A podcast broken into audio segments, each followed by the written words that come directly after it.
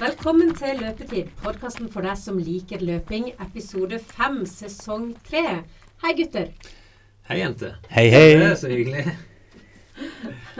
Skal jeg si du har energi da, Tommy? Ja, ja, ja. ja. Ja, han er fornøyd. Han er, det skal vi jo bort og høre etterpå. Han er satt pers på 10 kilometer. Så skal vi ikke røpe hva tida blir ennå. Nei, det må vi ikke. Men han smiler. Han er jeg vil sagt aldri slankere. Det stemmer nok også. Ja, da, Han ser bra ut, smiler. Og jeg, sånn sett fått bekrefta at trening virker. Ja. Ja, så bra. Helt Så magisk. Det, det blir jo noe av hovedreportasjen i episoden i dag. Hva har dere holdt på med? Dere hadde en aktiv helg. Ja, vi hadde, jeg tenkte først eh, Vi hadde jo Tommy på, på test for noen uker siden. Jeg husker ikke datoen akkurat. Jeg husker kanskje du, Tommy. Men det kan være tre-fire uker siden. Ja, tre uker eh, cirka. eh, Vi snakka jo litt om han. Vi hadde jo en episode om det i podkasten for eh, episode tre, var det, tror jeg. Eh, og vi har brukt å kikke litt på den. Eh, Tommy hadde terskelfart på 12,2 km i timen. Eh, det er jo gresk for oss egentlig som driver med løping, for vi regner kilometer i time, nei, minutt per kilometer.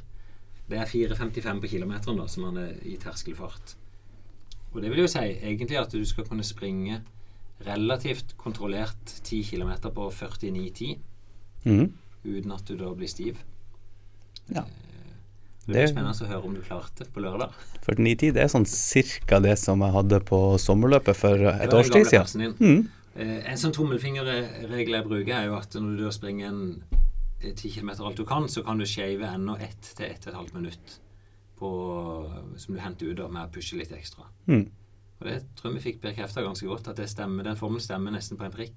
Ja, det er Jo, tett på. ganske. Så er det kanskje blitt enda litt bedre òg.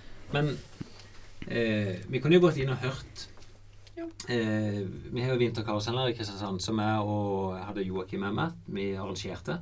Sammen med flere, selvfølgelig. Og vi møtte Kalle Glomsaker, så jeg tenkte liksom, kan lytteren være med på den reisa der? Og så hadde Joakim Han skulle eh, peise Tommy da gjennom eh, 10 km til ny pers. Eh, og da tror jeg vi går inn i det innslaget, så kan vi oppsummere litt etterpå. Flott. Ja. Nå sitter vi jo i bilen til den flotte raven til herr Kolstad. ja vi Eh, måtte rett og slett hjemme og hente innspillingsenhet. ja. Og i dag, Finn, er det jo kanskje den gøyeste, største lørdagen i, i år. ja, det, det er to sånne artige lørdager. Det er julaften, selvfølgelig, og så er det de to vinterkarusellene i Kristiansand. Det er det. Vi har hatt én. Nå er vi på 2. mars. Vi skal arrangere løp nå om en halvtime til, så smeller startskuddet. Ja, Det er vindstille, seks plussgrader. Eh, aner ikke hvor mange det blir. Vi var rigga til i stad. Vi har 90 startnummer, har vi ikke det? Vi, ja, vi har 85, tror jeg det var. Sist så gikk vi akkurat tom. Men vi ordna oss med en, eh, en nødplan, så de hadde noen ekstra nummer. Eh, Jeg kan ikke løpe sjøl, men jeg skal ned og arrangere. Du, du har vært litt for slapp med treninga, så du skal backe Tommy. Følge han opp. Så du skal jo følge Tommy gjennom eh, 10 km da, på forhåpentligvis 47 minutter og 59 sekunder. Yes, det er jo pers eh, han går for, og da er det gøy å ha en pers som gjør at du bikker under en ny milepæl, som har 48 minutter. Men det er jo andre sånn overordna i Darfin, så er det jo sinnssykt stor da. For det, vi bare går ut ifra at Therese Johaug hun leda etter 30 sekunder i stad når hun eh, gikk tremila, så hun har sikkert vunnet. Så kan vi se. Eh, Jeg så jo det, da. jeg gadd ikke se mer, rett og slett. da. du kan ikke si det på podkast. Sist. Oi, ser Der kom musikken inn herfra. Serie. Utklasset alle, ja. Da kan vi gratulere med seier til Johaug. Ja. Tre av tre individuelle gull til nå. Det er jo Ja, fantastisk. Imponerende. Og tysk eh, avis, Dopingfamilie, kobles til over 100 utøvere. Det er jo bakteppet med dette her. Det er det. Men så i kveld så er det noe enda gøyere som skjer. ja, vi har akkurat så du har hørt gjennom ti Grand Prix-sanger. Vi skal jo ha Grand Prix-fest. Eh, Jeg trodde det var internasjonal finale, men det er jo faktisk bare norsk. Men det er gøy det også. Vi har en Kristiansander med, så vi heier vel på han, på Tom Hugo. Tom Hugo. Ja, han er, vi, vi fikk jo analysen her, og vi, vi mener at det må være en av favorittene. Sammen med han Mørland, og han er vel òg, eller om ikke han er fra Grimstad? Ja, og så har vi Hank von Helvete. Det er jo alltid en gøyal eh, Eh, Så ja, så Eller vi, vi snakker om å kanskje kle oss ut litt. Og vi får se om vi ender opp med sminke og, og djevelkostyme, eller om vi ender opp med noe annet. et eller annet. Men midt oppi alle paljetter og uh, kostymer Finn, så må vi stoppe hele Grand Prix-festen Prix-festen klokka 20.40. For da vet du hva som skjer. Uh, ja, du er jo hakket mer interessert i akkurat å følge Ingebrigtsen-familien, så det er jo EM i friidrett i Glasgow akkurat nå. Så hvis jeg skal tippe, da, uten at jeg vet tidspunkt, så vil jeg tippe at da springer Jakob 3000 meter. Men eh, favoritten Henrik Ja, Ja. for Henrik løper også. Ja. Det er jo Jeg er spent. Vi hadde jo et lite veddemål som jeg tapte sist. Eh, de sprang ikke så fort. Vi vedda om Jakob egentlig skulle slå han som nettopp satte verdensrekord innendørs. ja. Det gjorde han. Ja. Eh, og så tippa vi på tide. Du tippa han på 3.31. Jeg trodde ikke det kom til å gå så fort, og de havna vel på 3.36. Som er jo veldig fort, da. Veldig. Så eh, det skjer jo mye gøy. Og så har du United som spiller i ettermiddag full pakke. Men det som skjer nå, iallfall, Ja. eh, det er jo i hvert fall at eh, nå, nå, kommer vi til stadion om et halvt minutt, så blir det gøy å se hvor mange som er Om vi får rekord i dag, om vi får eh, maks uttelling på påmeldinga. Og så er det jo også gøy med Vi kan, Tommy. ja, vi kan kjøre modig her. Bare blinke den veien. Der ser vi å, Nå husker jeg ikke navnet på Og Ykkelberg eh, så jeg var der i dag. Og så Siren, ble en skikkelig fight i jentefinalen her. Eh, to veldig gode jenter som skal løpe. Eh, Siren har jo løpt på 37-tallet på en 10 km, og Ingrid hadde pers på 38,12, så de kan jo slåss litt i dag. Ja. Jo- vi ser jo det er veldig lav terskel, så vinterkarusellen eh, jeg tror det minste vi har vært er 10-12 deltakere. Eh, også på det meste oppimot 100. Vi hadde vel et mål om å kunne bikke 100 i dag. Men, så det er liksom ifra nesten eliteløpere da, så helt ned til de som bruker en time på mila. Og så har det vært opp til 100 cm snø på disse løpene. Ja, jeg vet det. Eh, du springer jo med Tommy, eh, så Kristian stiller ikke gjør. Jeg har ikke hørt han har slitt litt med en akilles. så- Ja, så det er jo av og til så kommer det inn noen kanoner. Men vi kan kjøre rundt nå og se. Jeg syns jeg så en av de soløverne som svang her borte. Vi har Vegard Danielsen, vi har Hans Christian Fløystad, som er gode løpere, som, som er i byen, som av og til kan dukke opp. Mhm. Det er med Christian Bøen, som kommer joggende. Oi, han kan jo slåss med Gabriel, som tror Han går jo for og det skulle si litt morsomt Etter vi har spilt inn litt podkast, så driver jo folk og sender litt meldinger til meg at de skal løpe og Ja. sende bilder av skoene og litt sånt. Så det er en som heter Gabriel, som, eh, som er veldig god. Jeg Jeg Ja. tror han løper 35 minutter på en mil. Han, eh, han hadde veldig mål i dag om å løpe bra. Og eh, var veldig spent på om det var noen andre på hans sitt kaliber, da. Og hvis det er Christian Bøhn her, da, så kan det jo bli en uh, slåsskamp. Ja, Bøhn er nok ikke fullt så sterk som han. Eh, Som vi ser, nå kjører vi forbi start.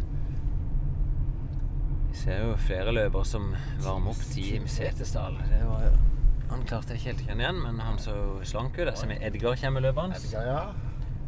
Han er jo en ringrev. Han er jo den som i alle løp har løpt i bar overkropp på terrengkaruselløpene. Er- Ja, det er viktig. Det har jeg aldri vært borti før. At noen Han blir så varm, ser han på magen. Mm. Så på, når vi springer på vinteren, da har han jo typisk T-skjorte og en genser. Så springer han og holder oppe T-skjorta for å lufte magen. For luften magen. Ja. Her Ja da, med en O-løper. En O-løper, ja. Um, klarte ikke helt å Det er litt gøy. Kan ofte kjenne igjen folk på løpe, Ja, løpesteget, men ja, Stemmer det. hvem var det? Jeg kommer ikke på navnet. Nei, Han eh, og De er to brødre. Eh, er ikke Pitten. Pitten, ja. Kristian Christian det var det Ja, okay. Skal vi se om du har rett. Ja da. Ja Ja, det var Pytten. Da skal iallfall Gabriel få trøbbel. Ja, da han trener godt. Er, Pytten er veldig sprek. Det er jo Kristiansand orienteringsklubb er jo i hvert fall er i årrekke har vært en av verdens beste orienteringsklubber. Så de, de har et bra treningsmiljø. Mm. Og de trener litt sammen med oss òg. Annet Vegard Danielsen, som er utdanna lege, som har tatt permisjon og et år for kun satse. Ja, han jobber på sykehuset. Så er det jo VM på eller ikke det er på hjemmebane oppe i Trondheim til høsten. Ja. Så han satser på full tid, da. Mm. Og det må jo til det. Altså skal du bli best, så må du nesten stå av i de viktigste periodene. Mm. Springer vi en runde her på 1360 meter ca. Ja. De som springer 3 kilometer, de springer to av de rundene, pluss litt. De som springer lengste, de springer syv. Pluss enda mer. Det er som familien Tøfte som er på veien. Oi, så sønnen har blitt stadig større. han er blitt lengre, ja. Det er sånn som Jakob, du bare ser plutselig så skyter de i været. og- Nei, det er fint å se påmeldinger, men det som er tanken nå, da følger du Tommy litt i dag. Ja. Kanskje cirka sånn eh, hver kilometer og prøver å ta en liten oppdatering på Ja, han. Ja, tenkte det. Så det blir eh, Det blir bra.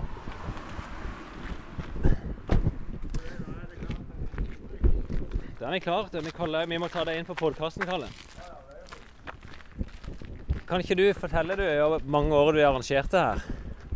Vi begynte i 81. Ja, 1981. Hver, Har det vært hvert eneste år etter det? Ja, vi begynte jo bare med Mandal og Kristiansand, så kom jo Søgne på etter hvert. Så det begynte med tre løp i Mandal og tre i Kristiansand for at en skulle kunne løpe hele året. Og det var da Alf Myhre var så god til å måle lengder. Ja, du må fortelle. Han, han som kontrollmålte løypene. Ja. Og så tok han tida òg, for han var aldri så sein at ikke jeg så førstemann i mål. Ja, men det du sa, han Han, Han visste fort en kilometer, så han kunne, når han løp, løp han kunne løpe kilometertida i haug, og så så han bare på klokka når tid det var tre kilometer. Det var løypa kontrollmål. Ja. Og så stilte han til start på alle løperne og så når førstemann kom i mål. Han var aldri så dårlig at ikke kunne ta alle tidene. Så det, det er jo det er den største kapasiteten på løpstrening som har vært i, i Kristiansand. Ja. Han- Han, spring, han springer ikke like mye nå lenger, men eh, han er- han er fortsatt like interessert. Ja da, han er like interessert òg. Men disse løpene, ja, nå er det to i Kristiansand, to i Mandal, to i Søgne. Ja, så det har- det har alltid vært seks løp. Og så har det vært variert litt. Egentlig var det hver 14, da, men så er det jo, det skal klaffe med vinterferie og påske og alt sånt. Og så begynner jo driftskarusellen så tidlig her at det er jo ikke noe vits i å holde på å konkurrere samtidig med den. Nei. Men det er jo det er på vinteren. Har det vel blitt avlyst noen gang? For vi har jo vært og sprunget her i nesten en meter med snø. Ja, det har bare blitt avlyst én gang. Det var på slutten av 80-tallet en gang i Vandal som Reglene er jo hvis jeg kaller det minus 15, og det er det jo veldig sjelden. Det var en gang det var minus 17 i Mandal, da ble det avlyst. Da droppa det ikke, rett og slett. Ja, eller da fant vi ut at ikke lov, har du det? Da hadde vi egentlig på en måte ikke legemedhold. Ja. Og hvis det er noe der, så ligger det noe dårlig an. Men vi har jo En gang vi løp i Søgne, så hadde trærne dette nedover over E39 med, Stemmer, ja. med Vollevann, så da var det bare folk vestenfra. Men der tok vi ikke tida, og det var så dyp snø at alle fikk fullført. Eh, Du, hvem er målgruppa for de her løperne? Målgruppa er alle som uh, syns at det er like greit å løpe hele vinteren. Og det er jo for å egentlig å både treffes om vinteren eh, for å ha det sosiale, og så er at eh, når det er greie forhold, så får en jo en viss peiling på om eh, farten er der. Og samtidig, noen trenger litt fasttrening av og til. Det får du når du løper sammen med noen. Ja, og pushe litt. Du springer sjøl òg, ser jeg, men uh, Jeg har jogga rundt nå så jeg, fram mot tida, så jeg jogger alltid rundt. Jeg, jeg har fullført alle gangene siden vi begynte i 81. Så jeg, ja, har du alle løperne? Nei, alle, alle, alle, alle karusellene? fi- Fire, fire, du må jo delta i fire løp for å få fullført for, for å få glassvasen. Ja, ja, for du får premie for å fullføre fire løp. Det er 50 Ja. kroner deltakelsen. Ja. Og så får eh, alle som løper fire ganger, får jo sånn krystallvatt. Jeg har med han eh, godeste Ja, du har jo fått han sjøl, så det er med den til han, eh, han eh, som ikke var på siste for Vi deler jo alltid ut på siste løpet, så er det mange som ikke er på siste løpet. Jeg har en vase til deg, Joakim. Ja. Stender på kjøkkenbenken hjemme. Ja, for jeg, jeg, jeg ga til han, for jeg visste jo du hadde en til over. Eller hadde en til god for. Ja, Ja. Ja. Ja. Så. Så det er jo alltid Så jeg har satsa på at det blir ca. 34 fullførende i år etter sånn. Men du må jo alltid telle litt før når en skal sandblåse Ja, stemmer. krystallvaser. Så kan dere finne Tommy. eh, Vi skal gå ned, det er 20 minutter til start. Eh, Jeg kommer bort og Ja, det er veldig fint. Så jeg, klargjør starten med det etterpå. ja, det gjør det. Så jeg skal bare henge denne på bilen til Ivar, for at jeg har den klar for plass. Det var altså Kalle som er arrangerer, som stender bak disse arrangementene. Så har han eh, eh, Søgne med seg, som hjelper han å arrangere der. Og så hjelper vi han i Kristiansand. Her ser vi i dag, så er det egentlig ganske fint, Joakim. da. Har vi Tommy i en litt sånn eh, spesialdrakt? Ser ut som en bokse. En boksedrakt. Ja, det er bra. Ja, det er bra. Star Wars. Joggedress. Hva er det? Du skal ikke løpe i den? Jeg skal ikke løpe i den. Ja, men det så veldig Jeg skal bra bare ut. ikke fryse. Nei, det er sant. Det, Jeg skal ta bilde av det, Tommy. Men du er klar? I dag er det mål om pers, var det? I dag blir det pers, har Joakim sagt. Ja, det blir det. Altså, men det, det jeg ikke har sagt til deg, er at jeg har hatt eh, Fra mandag til onsdag har jeg hatt diaré. Du, det er genialt. Ja. Da har vi beste forutsetninger, for da har du kvitta deg med masse vekt. Og så har jeg hatt eh, halvannen uke med strekk bak i låret. Eh, men så har jeg brukt 1500-1600 kroner i uka her på massasje. Ja. Så i dag har jeg ikke vondt i, Ja, ja. bak i, i låret. Så Genialt. eh, nå må jeg bare holde deg rolig fram til uh, det sier pang. Så de to siste ukene har egentlig bare gjort deg fattig og eh, slank. Stemmer. Du har gått ned i vekt og eh, brukt Alt er slanka. Pengeboka og magen. Men eh, Tommy, for nå har vi 17 minutter start. Så det som er litt greit, er å ha noen drag til slutt. Jeg kan gjerne være med deg på det, rundt, eh, bare så vi er oppe i litt i konkurransefart. Sånn at når starten går, at ikke vi får sjokk. Og så kan jeg samtidig gå gjennom litt hvordan jeg tenker i løpet. da. Kan du ikke bare trekke nærme start? Her, ja. Starten er her om ett minutt. Ett minutt, lille gutt. Ja. Så er det syv hele runde, og så opp til mål der som jeg og Kalle vil stå. Det? 200-300 meter herfra. Da ble det ikke ny plass for meg. Et godt tips, i hvert fall sånn jeg pleier å gjøre, det er bare ta sjekke rundetida av leppen her. Da ser du om det går fortere underveis. Tommy skal sette pers i dag på 47,59. Pytten skal slå familierekorden på 34,00. Og Gabriel skal ned på 34,59. Eh, hold igjen fra start. Det fins ingen unntak, og det lønner seg aldri i å starte for hardt. Nå er Kalle klar. Nå er han sier klar, ferdig, gå!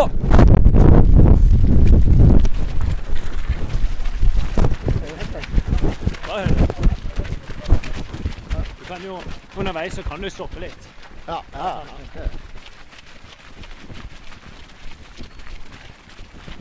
Tommy, du har allerede sprekt eh, tidsskjemaet. Du løper altfor fort. Da bremser vi, da. Løper det i fire blankfart, så nå er du Jeg sa jo at det er farlig med alle de som springer fort her. Så må du bare være strukturert.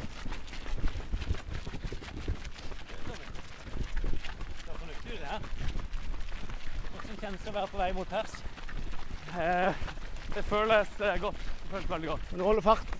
Akkurat nå ligger han an til 40 minutter, så jeg sa det til han. Jeg løper fortsatt for fort, så bare hold igjen.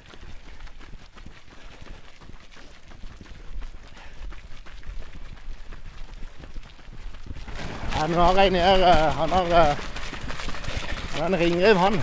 Han har løpt eh, på 42 før.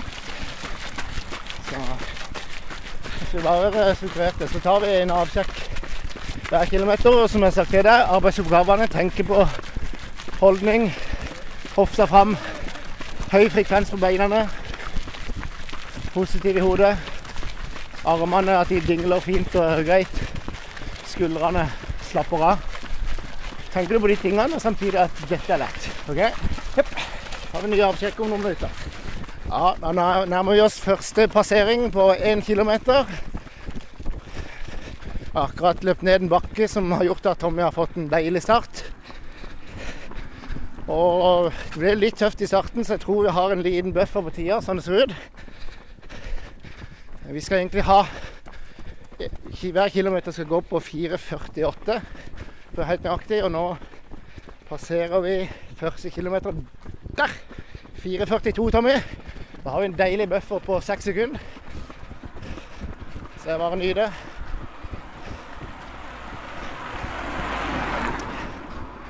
Så uh, smerteterskel, eller eh, Tommy, ti er maks vondt, én er ingenting. Hva er følelsen nå? Jeg løy på 4-5. Oi, oi, oi, det er jo altfor lett. Men eh, det føles alltid lett i starten, men det er iallfall tegn på at vi har starta fornuftig. Så nå skal vi opp en liten kneik her, og så gleder vi oss til neste passering. Ja, da nærmer vi oss eh, to kilometer, og det vi kan glede oss til nå, er at det er snart en deilig nedoverbakke. Den nedoverbakken skal vi ha syv ganger. Så det er sånn fint mentalt å glede seg til det. Eh, Tommy sa sist at han hadde rundt fem av ti i smerteskala. Det er veldig lovende. Er vi oppe i seks nå, Tommy? Ja. Ja, det er sånn det skal være. Jeg vil si at på en ti kilometer i mitt hus så tenker jeg åtte er nok der man fort kjenner det fra halvveis ut. Og det er det bare å glede seg til. Og der passerer vi to kilometer på 9.34. Da ligger vi jo fortsatt litt foran skjemaet. Vi skal ikke øke noe nå, nå skal vi bare ligge her. Ha kontroll. Og så skal vi, som jeg sa i stad, huske på bare om og om igjen tenke på Senke skuldrene. Høy frekvens på beina, lette steg. Hofta fram. Positiv i hodet. Så bare tenk hele tida på de tingene. Nå begynner jeg å kose oss nedover bakken. Sånn, vet du. Nå passerte nettopp Siren Seiler. Førsteplass av jentene. Og Ingrid kommer jagende bak, fortsatt et stykke ned. Ja, vi nærmer oss den viktigste milepælen halvveis. Ja. Tommy ser fin ut fortsatt. Til hver ti kilometer skal det være jækla vondt, så jeg syns dette lover veldig bra. Vi skal nå passere halvveis, og hvis vi skal holde skjema, så skal vi passere på 24 blank. Eller 23.59,30, siden vi skal ha 47. Og der passerte vi på 23.53, så vi har økt bufferen. Vi har syv sekunder forsprang. Det vil si at vi kan slappe av hvis det skulle være nødvendig i syv sekunder. Så eh,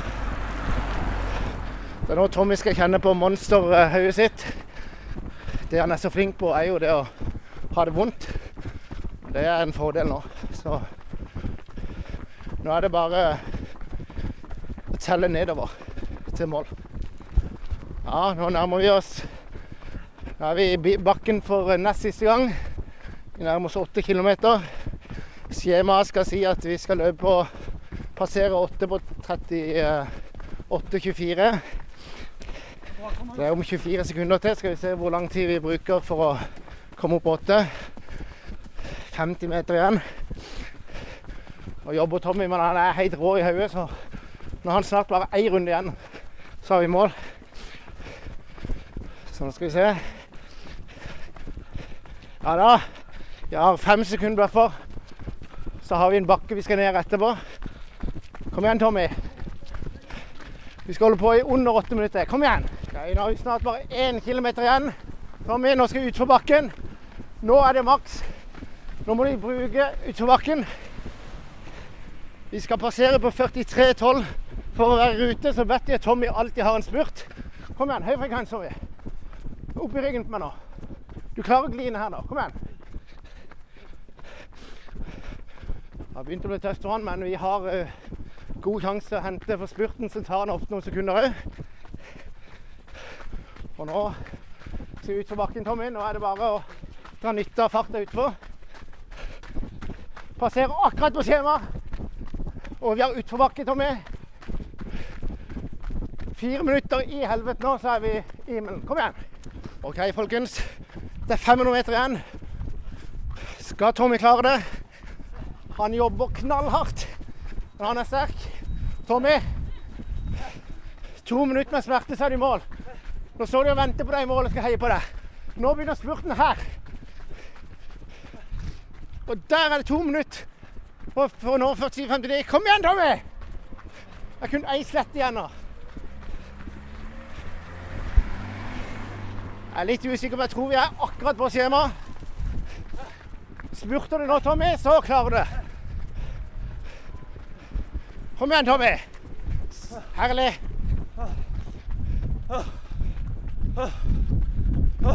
Yes. Tommy klarer å øke. Da går det mot at vi klarer det. Han klarer å hente mer. Han er syk i hodet. Kom igjen. Klarer vi litt til, Tommy? Klarer du å holde farten min, så klarer du det. 46-40. Vi har over et minutt på oss for å klare det. Det bør søren meg gå. Kom igjen, Tommy. Kom og Siren. Hun som vant av damene opp.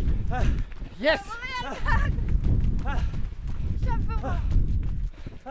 Der er det ett minutt for å komme i mål, Tommy. For å komme an der. Kom igjen.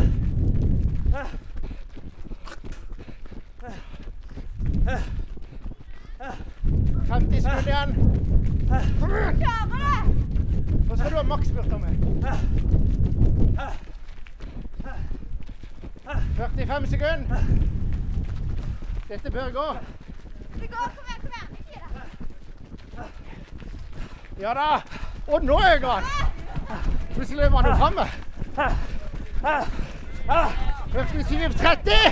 Ja da! Hvor mye var det?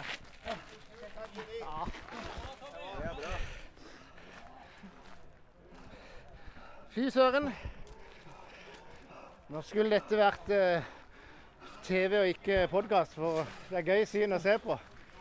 Men han har eh, på min bå- 47-39. Jeg må nesten ta et bilde av det, Tommy. Hæ? Du, du klarte det? Det er et gammelt, kjent motto som sier at når du har gitt alt og spydd opp resten, da kan ingen klage. Så du har iallfall gitt alt i dag. Det er jo veldig bra. Jæklig godt. Nydelig avslutning. Han henta ut eh, Han slapp og slapp de siste fire kilometerne. Jeg så det. Det var Tommy. fantastisk. Åssen føles det å perse? Å, så deilig! Ja, nydelig. Åh! Og så gikk vi litt. Det var jo langt ned på 47-tallet. Nesten et minutt raskere enn persen. 47-39. Det er kjempegøy. Samme som jeg har her. Ja. Sånn, nå skal du få litt pusten, Tommy. Men underveis så sa jeg mye rart til deg. Tvilte du underveis? Nei. Du var sikker? Ja. Når du ga luke til meg sånn jevnt og trutt, var det sånn For da var det så vondt at du klarte ikke å tette henne? Ja, jeg fikk vondt i låret på én kilometer. Ja. Og så, så stivna jeg i oppoverbakka. Så jeg måtte gi luke til deg Ja. fram til jeg kom eh, ned bakken.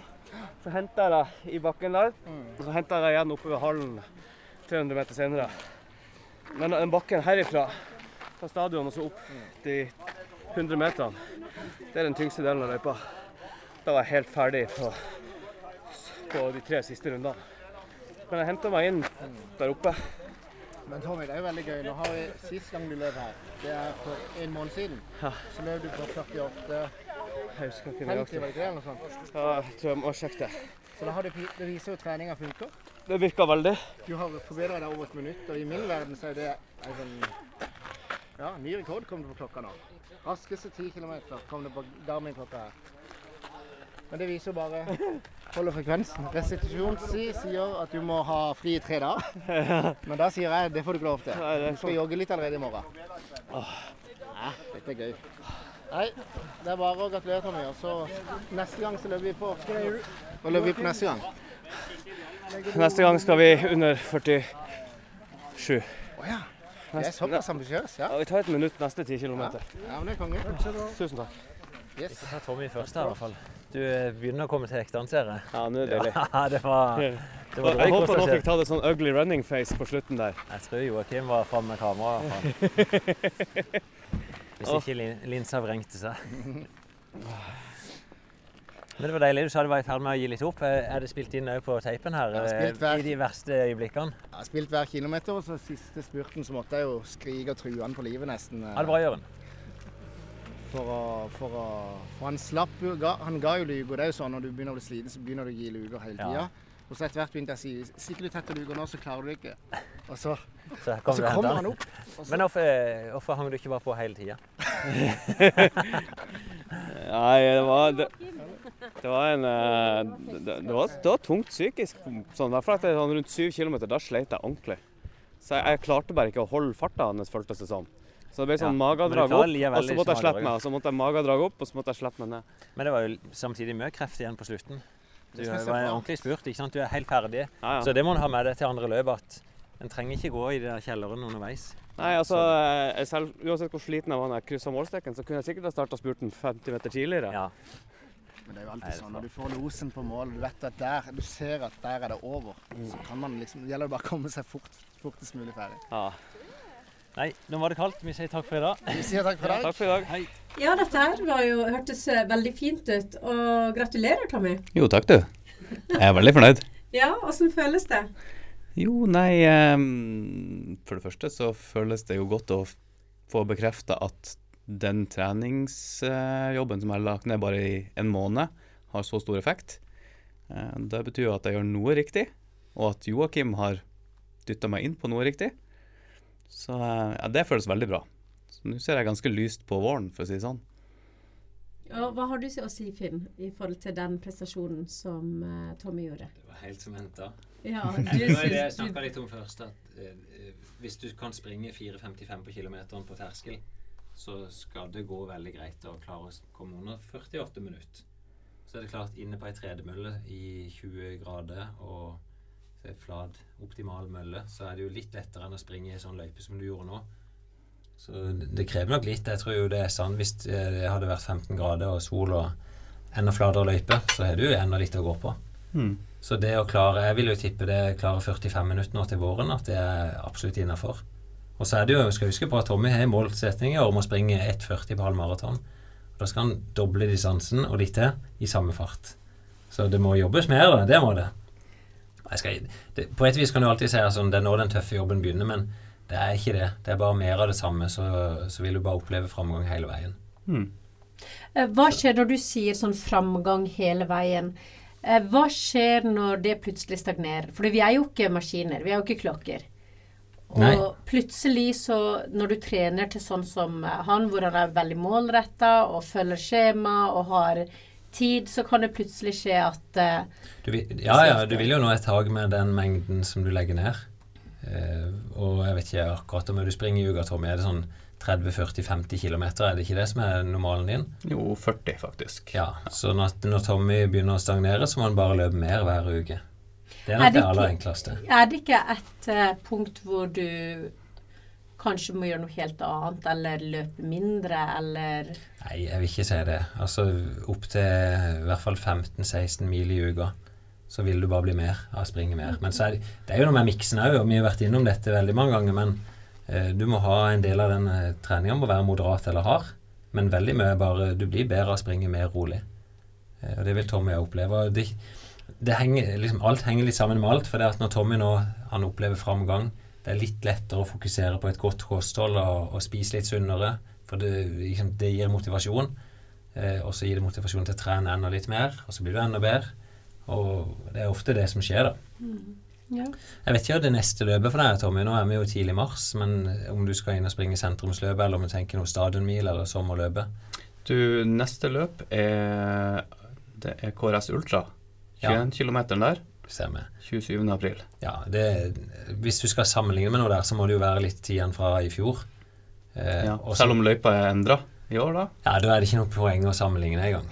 At, eh, en må sammenligne det som kan sammenlignes ordentlig. Men det vil jo være sånn eh, Han og uh, Joakim har jo lagd en veldig sånn enkel plan med tre litt tøffe økter i uka. Eh, og Tommy kommer bare til å fortsette å gjøre det. Og så vil jeg bare anbefalt etter hvert å legge på mer og mer imellom der. Mm. Så kommer du til å bli kjempegod. Og du er, nå er det jo sånn at du begynner å bli god, Tommy. Du, du, når du kom inn i løpeklubben, så var du sist. Eh, Han persa jo på 3000 meter på oppvarming på vei opp til stadion. Og på vei opp til intervallene. Eh, måtte bare snu og springe ned igjen når vi skulle begynne. Nå vil du klare å følge oss på ei vanlig oppvarming og oppleve det i hvert fall sånn at det er helt ok.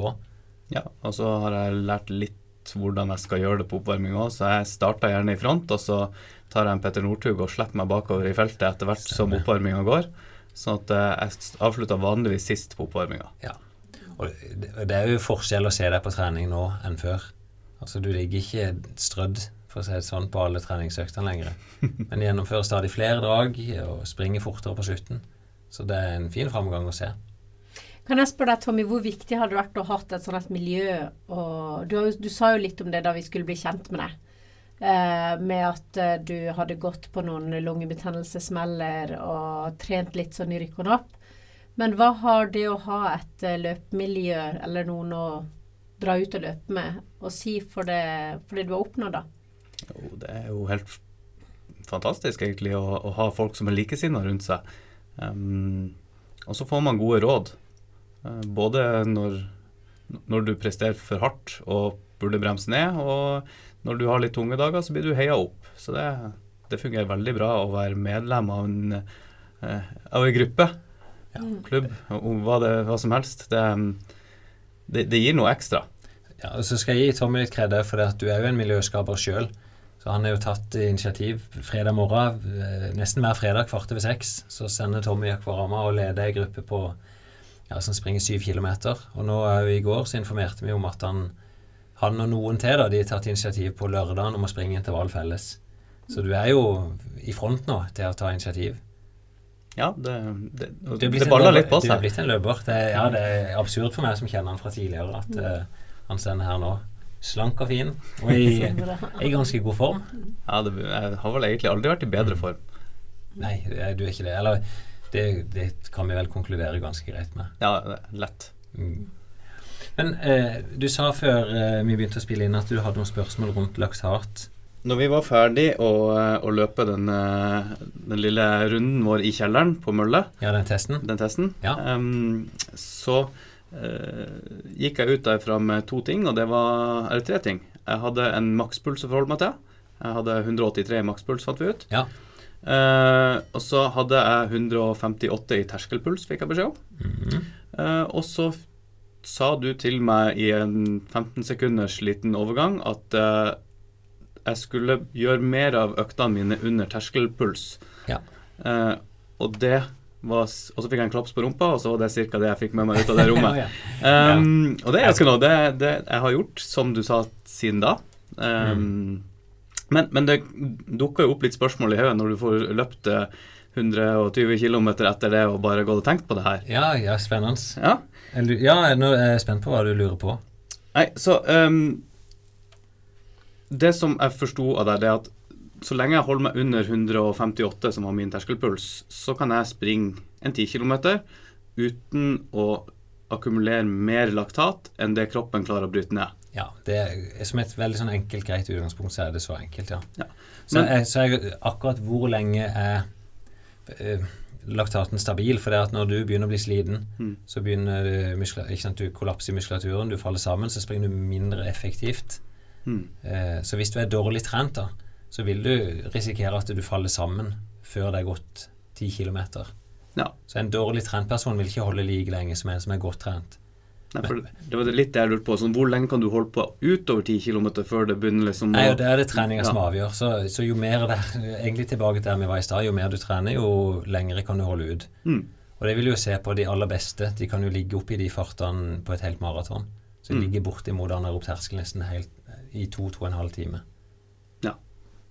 Men det er nok ikke du i stand til ennå. Vi vi er kanskje et lite stykke unna. Og det, du, vi hørte jo litt fra Tommy på testen i stad at uh, det er jo ikke bare kroppen nødvendigvis som faller sammen, det er jo det mentale. Uh, og egentlig så er det ganske godt bevis. Der vi ser at Tommy er i ferd med å, å knekke fullstendig sammen etter 6-7 km. Og så ut på siste runde så kjører han jo opp farta voldsomt og avslutter med en veldig spurt. Uh, sånn at du var ikke ferdig på 7 km.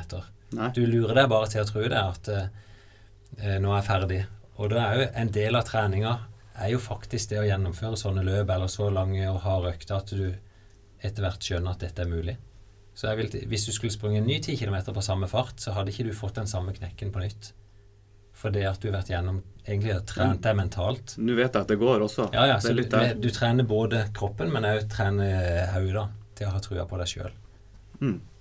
Men hvordan er det hvis Så, så skal jeg si, Det som er vanskelig med puls, da igjen, er jo at når du springer en 10 km i konkurranse, så risikerer du å bli nervøs.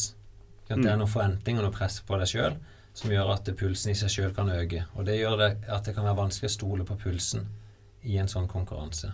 Ja, jeg rapporterte jo til Joakim mens vi løp at pulsen min begynte å bli høy, og da fikk jeg egentlig beskjed om å glemme det. Ja, Eh, det, og, og bare holde farta, fordi det var, det var konkurransepuls, sa han. og det, det er et veldig greit utgangspunkt. Og det ville du sikkert sett hvis du sto på starten. Da sto du helt stille, så vil jeg tippe at pulsen din var kanskje 100 allerede før du starta springe. Ganske nøyaktig. Mellom ja, 107 tror jeg det sto rett før. Ja, men så hvis jeg tipper du Hvis du sjekker pulsen til vanlig da på jobb, så er den kanskje bare 60-70. 60. Ja, nå stemmer det nå. Så jøss, så godt jeg treffer. Nei, men ikke sant Det adrenalinet jager opp pulsen din, og derfor blir det vanskelig å stole akkurat på pulsen din på en konkurranse. Mm. Og så faller han jo litt selvfølgelig når du da springer, for du, du er ikke nervøs gjennom hele konkurransen, men ser ofte en forhøya puls i konkurransesituasjonen. Mm. Så derfor syns jeg det er vanskelig å anbefale folk å bruke puls på et løp til å styre. Mm. Men hvordan er det da hvis jeg drar på i, på første kilometeren, og så går jeg over terskel egentlig med en gang, og begynner å, å få laktat i kroppen? Kan man ro ned nok til at det egentlig forsvinner i løpet av løpet, eller er det liksom type Ja, det- Har du kjørt det litt?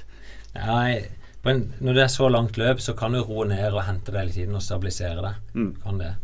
Eh, hvis du springer fart på en 5000 eller 3000, så vil du veldig vanskelig å overleve på noe ordentlig vis. Mm. Eh, men en ser nesten alltid De beste løperne gjør folk når de springer nesten helt jevnt. Helt jevnt med en spurt. Og egentlig jeg vil jo tippe det du gjorde nå på lørdag, og det var en så, et sånn type optimalt løp.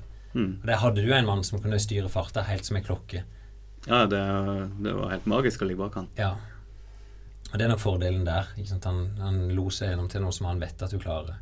Skulle ha sjekka laktaten min da jeg kom i mål. Ja, du sa jo du hadde makspuls. Du var vel oppe i 183 i avslutninga der. Mm. Så du henta ut alt. Absolutt. Og du lå jo der eh, som ei filledokke på asfalten etterpå. Og kaste etter pusten. Så jeg er ikke i tvil om at du henta ut det som skulle til. Du sa jo òg makspulsen. eh, Du kan ikke bruke den til noe egentlig. Annet enn du kan få bekrefta at du pusher deg maks. Det kan du gjøre. Ja. Men, eh, men det er ikke noe du får bruk for.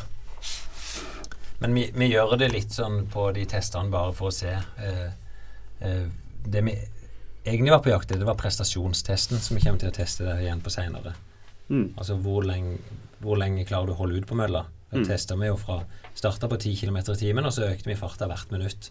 Helt til ikke du klarte å være på mølla mer. Mm. Og Da kom du opp til 16 km i timen nå. Og det vil jo til. ikke sant? Vi kan teste seinere og se klarer du å komme lengre. Mm. Og det er en veldig enkel test for deg sjøl eh, for å se om du er blitt bedre. Ja, det er enkelt å gjøre. Mm. Når jeg tar og regner kjapt på, på terskelpulsen min, så er den nesten nøyaktig 85% av makspulsen. Ja. Er, er det sånn type det vanlige, sånn cirka der? ja, det er litt grann lavt. Det er litt lavt. Ja. Uh, og det er sånn Det er ikke et nøyaktig pulsslag å si at det er 158. Nei, nei. Det, det vil være feil margin her. 158 ish. Ja, uh, og jeg husker ikke nøyaktig, altså, da må jeg ta litt på husket, men jeg ville normalt sagt sånn 88-90% Det er ofte der folk ligger. Men jeg har, vært, jeg har målt folk på, som har vært helt nede i 80 og jeg har vært med på noen som ligger helt oppe på 95 Mm. Vi måler på terskelpuls. Eh, det som er mest interessant, er jo Vi kan jo teste deg jevnlig nå og se om du forbedrer deg på terskelfarta. Så vi ser ikke om du forbedrer deg på terskelpulsen, egentlig. Nei. Men det er klart, hvis du kan springe fortere på samme puls, så er du blitt bedre, som et utgangspunkt. Mm. Så er det bare den lille kjipe feilmarginen at, du, at pulsen kan variere. Men det jeg tenkte mest på, hvis man sjekker makspulsen sin, Ja, og så trekker man seg ned til f.eks. 85 Ja, av det- makspuls, er man da innafor der man kan tenke at nå trener jeg vanligvis under eller ved terskel? Sånn ja du vil være sånn rimelig trygg, da, men uh, det blir som å si at det er vanlig å være 1,75 høy, Mm.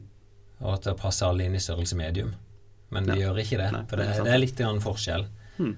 Eh, men det er normalt vil gjøre at hvis du springer 10 000 meter f.eks., eller 10-4 minutter, eh, og ser åssen fart du klarer å holde der, så vil det være ganske nært. Altså Hvis du klarer å holde jevn fart og ikke kollapse på slutten, så er det ganske nær anaerob terskel. Hmm. Så det er jo en sånn enkel test du kan gjøre. Og det er ofte sånn jeg tester utøverne mine sjøl. Bare gjennomfører vanlig intervalløkt. Ja, så fint. Åssen ligger du an da, Finn, med dine vondter? Jæklig dårlig. det, oh. ja, ja. Eh, Det blir bare sånn eh, prøve å eh, Ikke prøve å feile, da, men jeg har i hvert fall fått ei tredemølle i hus. Jeg har fått en ellipsemaskin og en stagemaskin. Sånn som alle oss andre pleier Sånn å som er helt vanlig å ha i hus. Nei, det er litt sånn i desperasjon òg, for det, nå begynner det å bli liksom, Nå er det mars, og jeg har ikke fått løpt noe særlig. Jeg kan springe turer alltid fra 10 minutter til 30 minutter. Eh, Og da må jeg bare hoppe av og til på ellipsen eller gå og begynne å stage. Så i går så sendte jeg av gårde Tommy de på intervall, og så måtte jeg hjem og kjøre eh, stagintervall sjøl. Men jeg er i gang i hvert fall. sånn Jeg er i gang med mine mål. Og nå er, det første jeg ser mot, er jo Midnattssønn maraton oppe i Tromsø. Mm. Um, men det er tungt for meg òg å ikke få løpt. Jeg hadde jo en lang periode før jul og en lang eh, oppstart av året. Så aldri vært tjukkere. Aldri vært dårligere trent, føler jeg. Men eh, Men er det, det er krampe fortsatt i leggen som tar det? ja, det er krampe eller en sånn strekk. da Det, det, gjør, det gjør vondt i leggen. Det kommer som et stikk da etter alt fra 10 til 30 minutter. Jeg håper jo at du ikke skal løpe den siste etappen på det Holmenkollen Nei, det er nedoverbakke. utfor bakken. Nei, da vil jeg overraske meg sjøl, eh, hvis jeg kan, kan gjøre det. Vi skal ha to lag inn til Holmenkollstafetten, så får jeg være et andre lag som kan friste. Ja, eller så kan du heie. Du kan jo prøve på det. Ja, ja men jeg, triv- jeg syns det er gøy å være med uansett. Og det, det er ikke sånn at jeg må være best alltid for å være med for å ha det gøy. Nei, Så- men det er bra. Eh, jeg skulle ønske jeg kunne løpt. Det skulle jeg. Og spesielt nå som våren begynner å komme. Du kan få lov å være med oss i 7-kilometersgruppa på, lørdag- eh, på fredagsmorgenen. Ja, men det, er liksom, det, det gjør vondt uansett. Så selv om jeg springer sakte, så jeg prøver det. Prøver å springe opp på bakke flatt og rolig. Og, eh, så enn så lenge så trøster jeg meg med den kjedelige ellipsemaskinen og kjedelige stagemaskinen. Men du, jeg så jo Det har jo vært veldig mye sport på TV. Ja.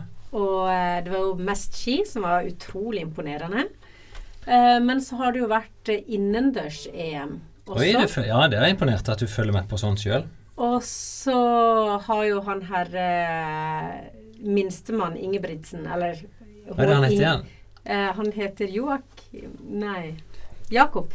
Følger ikke så godt med. Nei da. Jakob Ingebrigtsen. Ja, Og så har lillesøstera til Ingrid, gjør dere det? stemmer. Hun er, for, hun er for ung til å være med der Ja. nå. Nei, det var EM i friidrett, og Jakob tok første EM-gull i Norge noensinne, innendørs. Og så tok han sølv. Og det skulle jeg spørre deg om, for det var liksom sånn der Kommentatorene, de var liksom virka så skuffa, da. Fordi han ikke Ja, det- tok gull. Det viser sånn sett det brutale toppidretten er, da. At den blir veldig fort bortskjemt. Det er jo en enorm Altså, eh, det har vært tatt et par sølv tidligere. Eh, men eh, liksom, jeg er ikke der at en kan bli bortskjemt og tenke at medalje er dårlig. Eh, jeg så aldri løpet sjøl, jeg bare så hvem som vant, og, og så sluttida, så det er jo gått ganske rolig. Han taper mot en som er vesentlig bedre enn han på 800 meter, og da har han fått bank akkurat nå i avslutninga. Ja, jeg så løpet, det var en polakk som løp eh, veldig fort forbi han. Ja. Eh, helt på slutten der. Men eh, det jeg lurte på, det var det, da. Med at eh, er det lov til å bli skuffa for en eh, sølvmedalje i EM? Vi, vi rundt kan ikke være skuffa. Eh, det er klart Jakob kan være skuffa sjøl hvis han hadde mål om gull, men oppfatter vel at han var fornøyd sjøl med å komme hjem med både gull og sølv i medaljen. Så nei, jeg syns det der er en vanvittig god prestasjon. Fortsatt bare 18 år og til både sølv og gull. Jeg er imponert. jeg. Og så er jeg jo veldig imponert over Henrik òg, som springer inn og til medalje, han òg. Mm. Ja, og så ble han diska og sånn. Det var broren. Det var Philip. Så, Ja. Nei. Men det eh, kan jo alltid diskuteres om akkurat den episoden var en disk. Han ble diska. Eh, og skal ikke si at eh, de ofte springer uryddig, men Philip har vært i hvert fall i situasjoner før og prøver veldig å, å holde lista, og av og til da blir det litt knuffing med de rundt. Og nå mener i hvert fall de dommerne at altså han, Det som skjedde, var at han trykka på innsida av banen, og det er ikke lov. Nei. Og så kan du diskutere som om han var skyld i det sjøl, med å prøve å komme inn en plass der ikke han skulle vært. Ja. Dommeren mener i hvert fall det, at Ja. han var det. Så, Mm. men han mente tydeligvis ikke det sjøl, at han skulle vært diska. men det skjer, det er mesterskap, og det er knuffing. Og både 8 og 1500 meter er ofte sånne øvelser der det skjer litt uh, tullball underveis. Ja. Ja, for det poenget er, sånn som jeg kan huske en gang vi var på stadion, at du sa at legg den nærmest mulig lista, for der er Det er korteste vei. ja, det er så enkelt. Og det er jo det de har lært disse gutta, at det springer i hvert fall korteste vei. Det er første budskap. Og vet, selv om det et løp skulle gå ganske rolig, hvis du springer i bane to, så springer du på hver runde da utendørs, så springer du syv meter ekstra. mm. Og da på en 3000 meter gang med syv runder, så er det plutselig løpt 50 meter ekstra. Og da er du litt mer sliten enn de andre. Ja. Og det er sånn man kanskje ikke tenker eh, så mye over. I hvert fall gjorde ikke jeg det, for jeg var opptatt av å løpe der hvor det var minst folk. Ja. Nei, springer jeg syns det er litt uh, slitsomt. Det er faktisk sånn når de måler banen uh, En 400 meters bane er ikke 400 meter på lista. Nei. Han, han kontrollmåles 30 cm ut forbi lista. For det er der det vil være naturlig å springe. Mm. Så hvis du springer helt inn til lista, så springer du faktisk for kort. Ja. Det visste du ikke. Det visste jeg ikke. Og i de andre banene så er det 20 cm. For det at det innerste banen der er det sånn sarg, som de kaller det, som forhøyning, som tvinger deg til å være litt lenger ifra. Mens i banene ut forbi er det jo bare en strek. Ja. Så da måles det 20 cm ut forbi. Visste du det? Aldri hørt om. Nei. Og hvis du så òg innendørs, så så du at de springer med sånn forhøyning i svingen. Jeg vet ikke om du la merke til det? oh, jo. Nei. Ja. Nei, du så ikke den? Nei. Nei, det er dosering som det heter. At mm. svingene Det blir så kort bane at svingene blir veldig krappe. Så da eh, er det en doserelse Forhøyning på svingen på kanskje en meter, da, fra første til jeg, jeg så ikke Det var seks baner da normalt innendørs på de store arenaene. Men det er kanskje en meter høyere oppe i bane seks enn det det er helt innerst. Da blir det ikke så mye trøkk i anklene. Mm. Bra. Da er det- Men du ja. Finn, vi har jo fått veldig mye lytterspørsmål. Ja. Og så har jeg hatt litt sånn dårlig samvittighet, for vi skulle jo tatt det for lenge siden. Men kan vi ikke ta en del av de i dag? Ja, og veldig mange av de er retta til deg om trening. ja, Og så er det jo til og med til Misuno. Så vi Ja. må jo invitere han. eh, Han skal vi ha inn. Og vi skulle jo egentlig vi snakka Vi skulle egentlig vært på teater og hatt et liveshow nå på mandag. Ja. Det har vært eh, veldig tøft på jobb de siste, så vi var nødt til å utsette det. Så planlegger vi nytt liveshow da om 14 dager, men jeg må bare få bekrefta det fra teateret først. Eh, og der skal vi spare noen av disse artige spørsmålene til. Vi skal jo ha noe å snakke om der, og Ja. vi skal jo ha Misuno på scenen der. Jeg så noen mente at det var sånn partisk at vi reklamerer for Misuno, men det er ikke tanken, det. De er faktisk ikke inne som en sponsor, men de er inne som en, en veldig fin part å snakke med. De er veldig tilgjengelige for oss her nede. Ja. Så vi får ikke noe sko eller noe. Kanskje vi kan lure noen sko ut til Tommy. ja. Og kanskje til deg. Jeg har aldri hatt Misuno-sko. Jeg har noen par liggende hjemme. Veldig gode sko. Det var ikke reklame. Ja, da kan vi ta et spørsmål til deg, Finn, fra Jan, Jan Morten Rygg. Hei og takk for fin podkast. Jeg har trent ca. fire ganger i uka med variasjon av rolig og intervaller i litt over et år. Målet mitt er under 1,30 på halvmaraton. Han trener mindre enn Tommy, nesten er det samme som Tommy, og så skal han springe timen fortere. Bra. eh, og under 40 på mila. Stemmer. Eh, jeg klarte ca. 1,36 og 41,30 i fjor. Stemmer. Jeg tenkte å øke på treningsmengden til fem dager i uka. Planen min er bl.a. korte intervaller på mandager og lengre intervaller 10 km fart på onsdager. Kanskje en rolig kort restitusjonsøkt på tirsdager. Synes dere dette hørtes greit ut, eller bør jeg ha lengre eh, tid mellom intervallene? Takker. Hmm, ja, han skulle løpe fem økter i uka. Eh, han beskrev jo bare to intervalløkter her, da. Eh, og han spør om mandag og onsdag om tett. Jeg ville normalt sett vi, vi, hvis, jeg skulle lagt opp planene, så ville han hatt det hardøkt på lørdag. Jeg ville sagt normalen. Intervall mandag, torsdag, lørdag. Da har du det bra. Da er det jo bare én dag mellom ei av øktene som er rolig. Så da kan vi si ja. Det, det er helt OK å bare ha én dag, men så bør du ha i hvert fall et par dager til neste intervalløkt. Ja. Det er sånn en, en grei rettesnor. Og så er det jo du, Det kommer jo an på hvor hardt du pusher de, hvor lang? Hvis dette er ekstreme intervalløkter, så må du ha mer. Så man, det er ikke så lett å svare sånn helt lett på det. Nei, for en intervalløkt kan jo være alt ifra at du pusher deg helt tom, til at Ja. du faktisk avslutter og tenker 'dette var Ja. hyggelig'. Men hvis en tar utgangspunkt i at du har ei- ei intervalløkt rundt anaerob terskel på en fornuftig mengde, kanskje 8-10-12 km, så klarer du med én til to dager imellom hver økt. Da vil du klare å restituere det og være klar til neste økt. Også selvfølgelig med forbehold om at ikke en er ute på marsj hele tida imellom. For det er klart, alt påvirker jo restitusjon. Ja. Men jeg sier som regel hvis du, hvis du planlegger med tre, tre intervalløkter i uka, så prøv å fordele de jevnt utover uka. Sånn at det er én til to dager imellom. Det er helt topp. Og de målene han spør om, det, det er helt greit. Altså det å springe under 1,30 på- med fem økter i uka, det er fornuftig. Og det vil jeg tippe for Tommy sin del òg, at eh, hvis du neste år igjen skal sette et mål, så vil det kanskje være det mest naturlige målet på 1,30. Det går bare nedover. Ja ja, så bra. Det er en ball som ruller hele veien. ja, Skal vi Nei, det trenger ikke være et, det. eh, det, det er, for vi snakka jo litt om det i stad. Det er jo ikke sånn at du alltid må forbedre deg.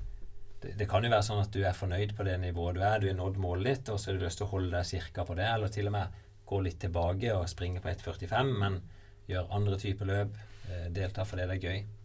Så alt trenger ikke handle om å springe fortest mulig. Nei.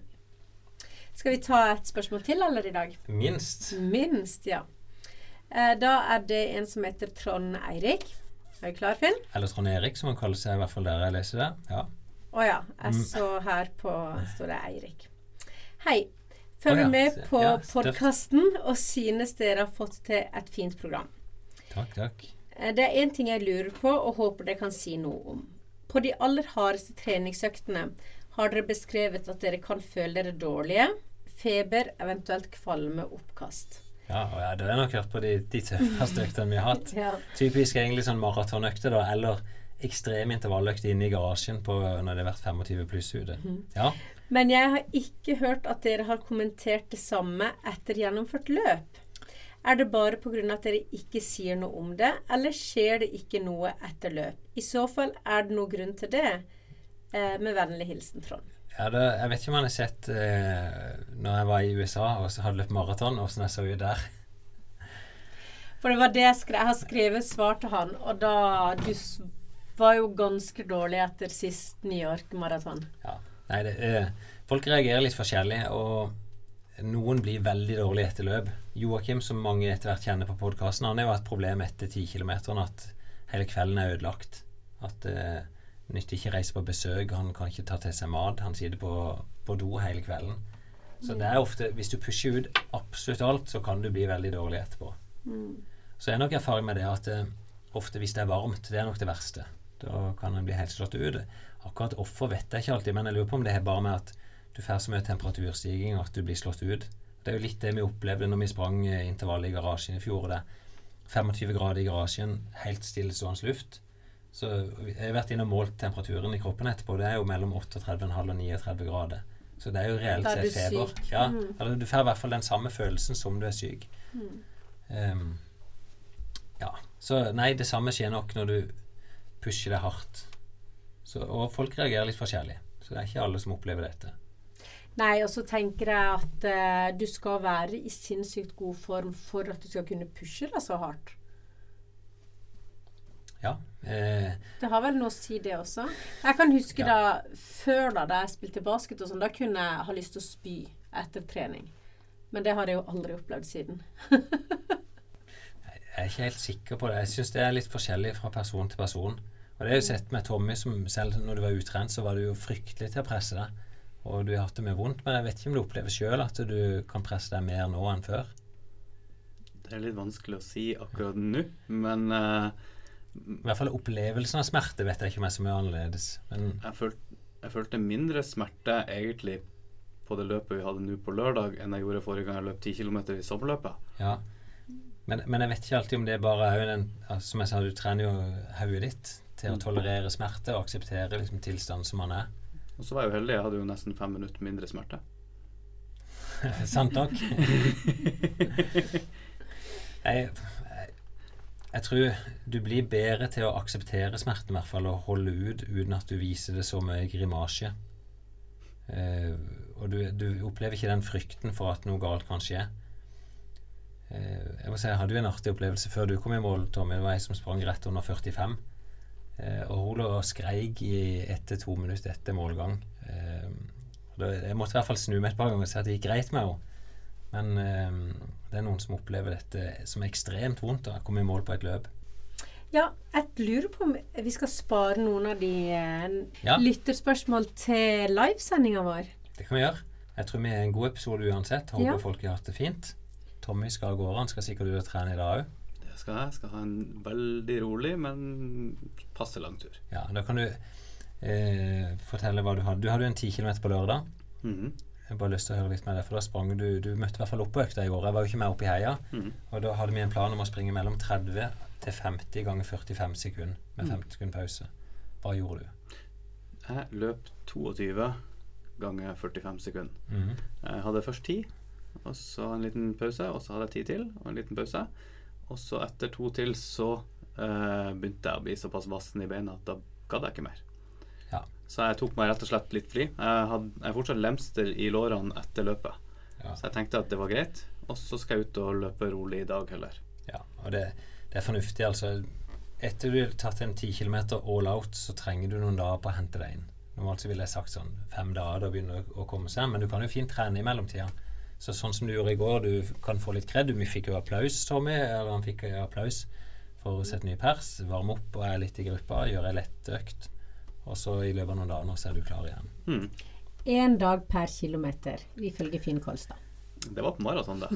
Nei, det gjelder litt sånn uansett. Det er jo en regel som er lagd som er litt sånn enkel, men én dag per kilo Hvis du pusher det absolutt alt du kan, så kan du nok regne én dag per løpte kilometer i konkurransefart før du er helt klar igjen. Ja, klar for en ny konkurranse. Ja. Så hvis du konkurrerer og springer 10 km all out hver lørdag, så mener jeg at det er for tett til at uh, du vil utvikle deg videre. Mm. Du vil gjøre det noen uker, men så etter hvert så vil det bare begynne å stupe. At kroppen klarer det ikke. Min påstand. Ja. Men jeg tror vi avslutter der. Velkommen tilbake i uke, eh, nei, episode seks. Jeg tror vi skal prøve å dunke ut en episode før vi er live på teateret òg. Mm, kanskje dere skal på løpetur, Kanskje. du og Jeg håper jeg er sånn Joakim? eh, Eller haltetur? Eller Ja, jeg, jeg vet ikke helt åssen det slår an blant lytterne våre. Jeg må gjerne gi en tilbakemelding på det. Om dette er gøy, eller om det er middels. Så har vi jo fått noen spørsmål til Misuno, og de kommer til å være der på liven. Så, men i siste episode så sa jeg på den introen at jeg skulle til Danmark i vinterferien. Ja. Og jeg skulle ikke ha med meg løpeskoene, i hvert fall. Nei. Vet du hva jeg skulle? Eh, nei, jeg husker ikke det. jeg Jeg skulle gifte meg. Er du gift av deg? Ja. Nei, men, det er fantastisk. Så gøy, da. Så det er var du en ny jeg. Ja, Nei, det er du ikke. så det var derfor jeg ikke hadde med meg løpesko. Og det må være lov. Du, det er lov. Eh, hvis du fulgte fulgt med på eh, familien Ingebrigtsen, så var det vel ikke akkurat det samme når Henrik gifta seg. Da sprang de inn til valgløkt samme dagen som han eh, skulle til alters. Altså, det var jo gøy. Men jeg tror kanskje jeg hadde like høy puls. Så eh, i hvert fall noen timer før. Som hvis jeg hadde løpt. Du, så gøy. Dette, jeg vet ikke om vi skal ta alt dette live og Nei. fortelle om hele seansen på podkasten, men det kan du jo gjøre på bakrommet. Ja. Men jeg skulle bare si det siden jeg hadde lovt at jeg skulle fortelle hva det var jeg skulle. Du, fant, eh, det, dette var veldig gøy. Men da skal vi si at vi får gå ut og løpe alle tre på en eller annen måte. Må vi ikke det? Jo. God tur. Tusen takk. I like måte.